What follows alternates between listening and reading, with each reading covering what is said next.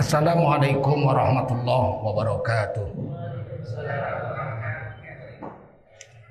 Hamdan wa syukran lillah wa salatan wa salaman ala rasulillah wa ala alihi wa sahbihi wa mawalah.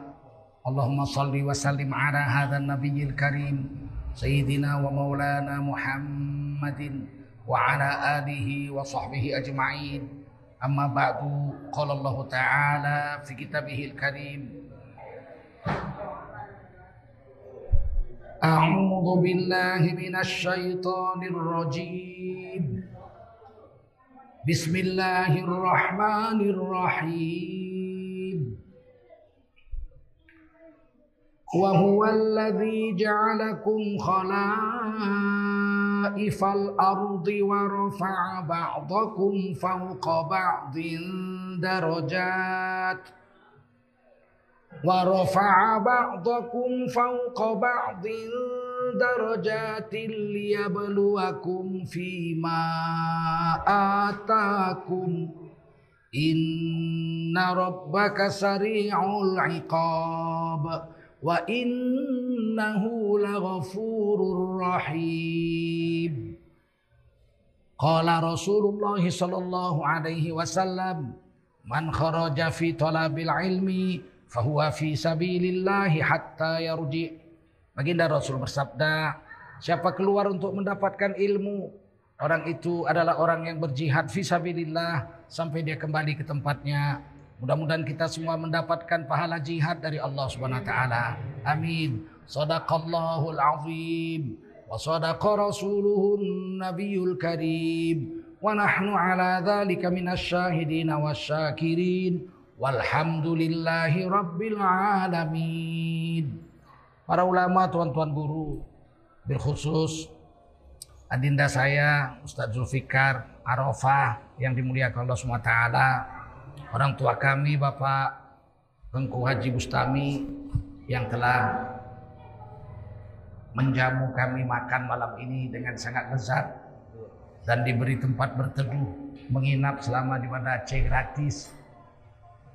Mudah-mudahan beliau dan keluarga dirahmati dan dikasihi oleh Allah SWT. Bapak, ibu-ibu, hadirin wal hadirat, rahimakumullah.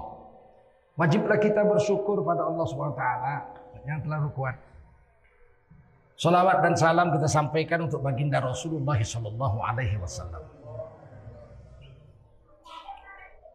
Islam itu mengajarkan yang pertama tauhid.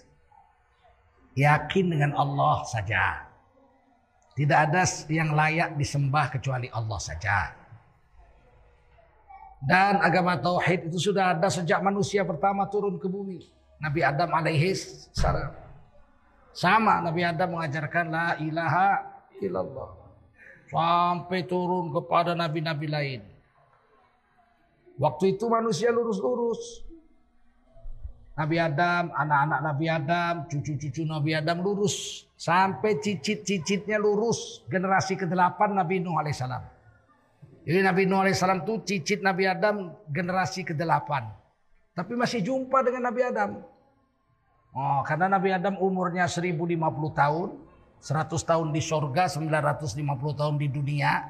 Ini menurut tafsir Ibnu Katsir. Dan Nabi Nuh alaihissalam itu umurnya 900 tahun. Sempat jumpa Nabi Adam dengan Nabi Nuh. Umat Nabi Nuh inilah yang pertama kali musyrik menyembah patung, meninggalkan agama la ilaha illallah itu. Rusaknya nggak tanggung-tanggung. Diperbaiki selama 420 tahun nggak berhasil Nabi Nuh. Jadi dalam kitab Qasasul Anbiya, Nabi Nuh salam itu diangkat jadi nabi umur 480 tahun. Baru diangkat jadi rasul, dapat wahyu. Disuruh dakwah kaumnya yang pertama kali manusia di muka bumi menyembah patung adalah kaumnya Nabi Nuh. 420 tahun Nabi Nuh dakwah lailan wan naharo, malam dan siang. Tidak ada nabi dakwah malam dan siang. Nabi Muhammad malam tahajud. Ya ayuhal muzammil kumil lail illa qalila. Hai manusia berselimut malam, bangun malam, sholat malam. Kalau Nabi Nuh tidak, lailan wan naharo, malam dakwah, siang dakwah. 420 tahun dalam tafsir Bahawi diceritakan murid yang mau beriman sama Nabi Nuh alaihissalam cuma 76 orang. La ilaha illallah. Kalau dibagi 420 tahun berarti 5 tahun baru dapat satu itu. Dakwah malam dan siang 5 tahun baru dapat satu. Dakwah malam dan siang 5 tahun dapat satu. 420 tahun baru dapat 76 orang. Anak Nabi Nuh empat laki-laki. Ham, Yafid, Sam, Kanan. Tiga naik perahu beriman, satu kafir. Mati tenggelam Kanan. Kanan. Menantunya tiga naik perahu. 82 orang.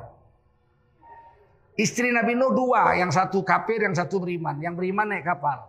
Yang kafir tenggelam. 83. Nabi Nuh sendiri satu, 84 orang. Hanya 84 orang yang beriman naik perahu zaman itu. Yang lain mati tenggelam. Apakah Nabi Nuh disebut Nabi yang gagal? Tidak. Nabi Nuh dakwah malam dan siang. Ya, selama 420 tahun yang beriman cuma 76 kaumnya. Tambah keluarga beliau 84 semuanya. Nabi Nuh disebut Rasul Ulul Azmi. Rasul yang sangat menderita untuk mendakwakan agama ini. Ada lima Rasul Ulul Azmi. Nabi Nuh, Nabi Ibrahim, Nabi Musa, Nabi Isa dan Nabi Muhammad Sallallahu Alaihi Wasallam. Penderitaan yang dialami Nabi Nuh nggak tanggung-tanggung. Dipukuli macam-macam. Hanya untuk mengajak orang nyembah Allah aja. Nabi Nuh itu disiksa habis-habisan. Tak ada Nabi Nuh minta upah. Tak ada Nabi Nuh minta gaji. Tak ada Nabi Nuh minta kedudukan, harta. Nggak ada. Tapi dibenci sama kaumnya sedemikian rupa. Dan Allah melindungi Nabi Nuh AS. Membuat perahunya ratusan tahun. Ditanam dulu pohonnya. Dan membuatnya itu pakai wahyu. Wasna'il fulka bi ayunina wa wahyina. Dibangun itu palka. Palka itu kapal tanker, Pak. Bahasa Inggrisnya palka, bahasa, bahasa Arabnya fulka. Orang Inggris membaca fulka itu palka. Palka itu kapal yang bisa jalan mobil di atasnya, saking besarnya.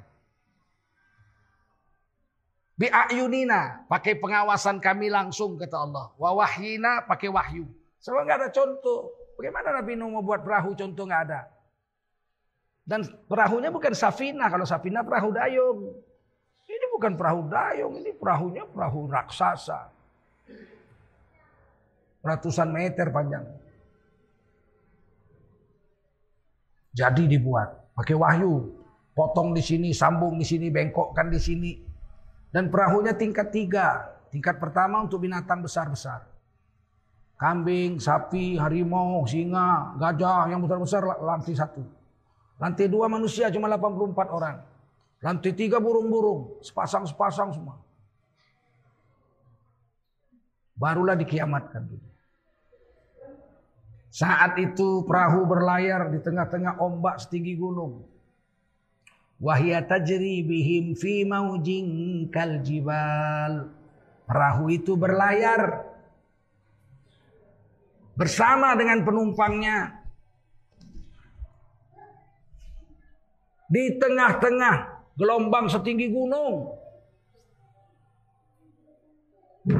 Gelombang setinggi gunung, fi maujin kal jibal. Bayangin itu. Perahu kayu, memang besar, tapi ombak setinggi gunung.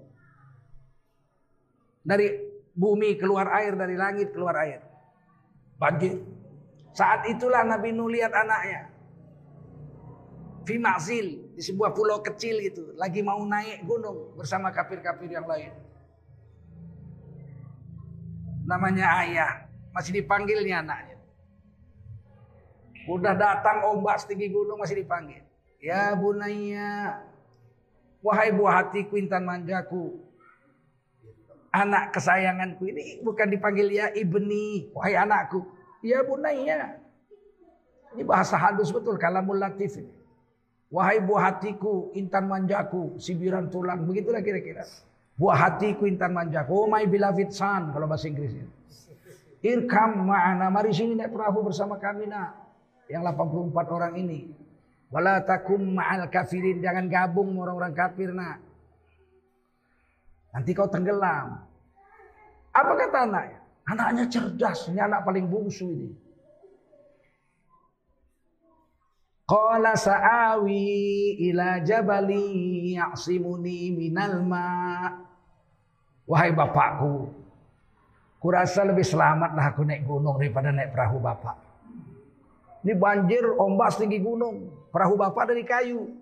Kalau nabrak gunung pecah mati kita semua. Atau ketimpa ombak setinggi gunung tenggelam mati semua. Tapi kalau naik gunung belum pernah ada ceritanya gunung tenggelam. Ada ceritanya gunung. Tsunami terjadi di tempat kita ini, gunung tak tenggelam. Tapi kebanjir Nabi Nuh gunung tenggelam. Kata anaknya lah udah pak, biar aku naik gunung aja lah. Kalau gunung meletus iya, gunung tenggelam mana ada ceritanya. Kami di Medan itu ada syair Melayu itu tentang gunung. Kalau meletus gunung Sibaya sayang. Alamat Medan menjadi abu. Kalau meletus gunung Sibaya, Medan jadi abu. Dayungku putus layarku koyak Ke mana arah sayang hendak ku tuju? Kalau meletus Gunung Sibaya, nggak ada syair. Kalau tenggelam Gunung Sibaya, nggak mungkin. Jadi kata anak Nabi Nuh, naik gunung aja Pak lebih selamat. Tak mungkin tenggelam, tak mungkin ditimpa ombak. Kalau perahu bapak timpa ombak tenggelam mati, nabrak gunung pecah mati. Kata Nabi Nuh tak ada yang selamat nak kecuali naik perahu bapak. Hari ini semua mati kalau nggak naik perahu bapak. Marilah nak, nggak mau. Wakana minal muhraqin. Tenggelamlah anaknya bersama orang-orang yang ditenggelamkan Allah, orang-orang kafir. 40 hari perahu berlayar. Seluruh dunia yang ada di sana tenggelam. Kemudian gunung Judi Wastawat alal judi. Itu perahu nyangkut di gunung judi. Gunung judi. Bahasa Arabnya gunung judi. Bahasa Ibraninya, bahasa Yahudinya di kitab Taurat. Gunung Ararat. Di dalam kitab Taurat, Nabi Musa disebut banjir Nabi Nuh itu nyangkut perahunya di gunung Ararat. Kalau di dalam bahasa Arabnya gunung judi, wastawat alal judi, istawa di atas gunung judi.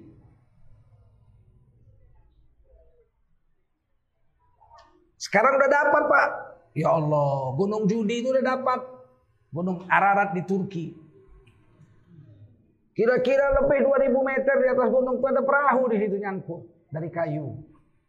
Tapi tinggal lunasnya aja lantai satu aja.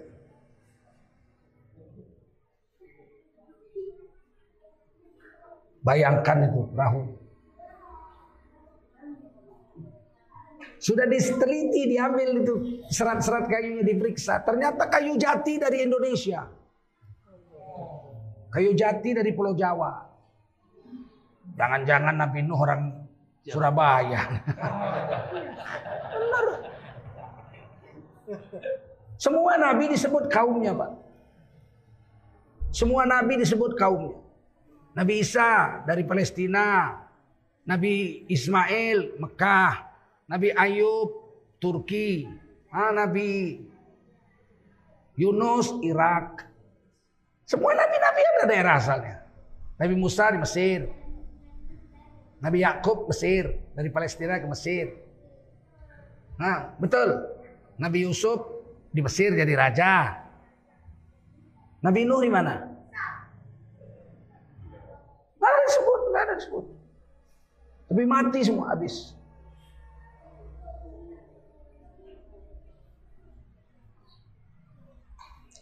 Di dunia ini menurut ilmu sains, ilmu sejarah, ada negeri yang hilang yang lebarnya bukan main. Mati semua tenggelam. Namanya negeri Atlantik. Bukan samudra Atlantik, bukan. Negeri Atlantik ini kata Aristoteles musimnya cuma dua. Penghujan sama kemarau. Musimnya cuma penghujan sama kemarau. Kemungkinannya dua. Kalau enggak Indonesia sini, daerah Nusantara sini, Amerika Latin. Kemungkinan cuma itu, yang daerah Katulistiwa. Sana ada suku Maya, kerajaan besar. Dan kemungkinan di sini. Saya ahli linguistik, ahli bahasa, dosen bahasa hampir 30 tahun. Oke negeri saya dosen, baru pensiun. Negeri Nusantara ini itu kalau diambil dari segi bahasa lebarnya itu dari Kamboja sampai Australia dari Filipina sampai Madagaskar itu bahasa Melayu semua pak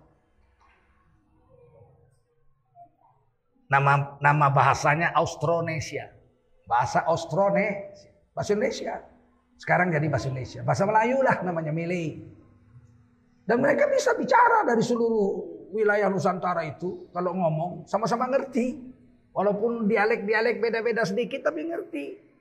Dari Thailand, Campa, Madagaskar, Afrika, Taiwan. Taiwan itu bahasa Melayu. Kan bahasa Cina itu penjajah Taiwan. Taiwan itu bahasa aslinya itu. Pernah ketangkap nelayan Taiwan tahun 80-an. Dibawa ke Kejaksaan Negeri. Kasih intel Kejaksaan Negeri kawan saya. Bapak Yuni Saprin, orang Riau. Saya pas datang ke kamarnya kerja, ada orang Taiwan ketangkap mencuri ikan. Kami bicara-bicara, dia ngerti. Ya kamu ngerti, ngerti. Orang Cina kau, bukan orang Taiwan. Ah, Taiwan Cina, bukan Cina dirampok, merampok Taiwan. Aslinya orang Taiwan itu macam orang Dayak. Seperti orang Dayak. Nggak pakai baju tapi pakai celana pendek. Ukiran-ukirannya itu ukiran-ukiran Dayak. Saya sudah ke Taiwan. Jadi asli orang Taiwan itu orang Austronesia. Disuruh menghitung sama Pak Yuni. Coba hitung. 1 sampai 10. Dia hitung. 1, 2, 3, 4, 5, 6, 7, 8, 9, 10. Cuman pitu aja dia yang bahasa Batak, bahasa Jawa, 7 itu pitu. Masih bahasa Nusantara. Sebegitu lebarnya. Ini yang dimusnahkan dalam satu hari itu. Fuh, habis, tenggelam semua.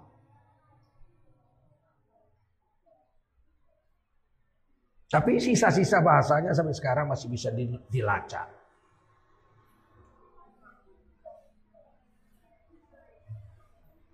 Jadi negeri ini negeri tua ini. Negeri Nusantara ini negeri tua. Dimusnahkan di zaman Nabi Nuh alaihissalam kemungkinan. Karena laut tidak ada waktu itu. Cuman Sulawesi aja yang punya laut. Papua gabung sama Australia. Kalimantan, Jawa, Sumatera gabung dengan Asia. Setelah banjir Nabi Nuh lah baru ada Selat Malaka, Selat Karimata itu. Barulah pisah Kalimantan. Setelah itu, sebelum itu, ini wilayah Nusantara. Wallahu a'lam. Tapi yang jelas Nabi Nuh seluruh kaumnya ditenggelamkan kecuali hanya 84 orang saja. Dan itu orang-orang yang disayangi oleh Allah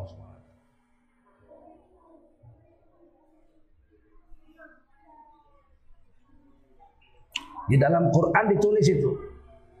Orang-orang yang kami selamatkan bersama Nabi Nuh alaihissalam. Ya. Ma'anuh. Hamalna ma'anuh. Kami selamatkan bersama Nabi Nuh. Innahu kana abdan syakura. Nabi Nuh itu hamba yang pandai bersyukur.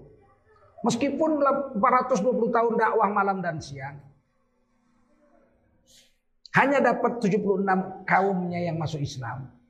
Nabi Nuh disebut Rasul Ulul Azmi. Dan Nabi Nuh itu tetap bersyukur pada Allah. Cuman ada satu aja, ada satu aja yang ditegur Allah Nabi Nuh.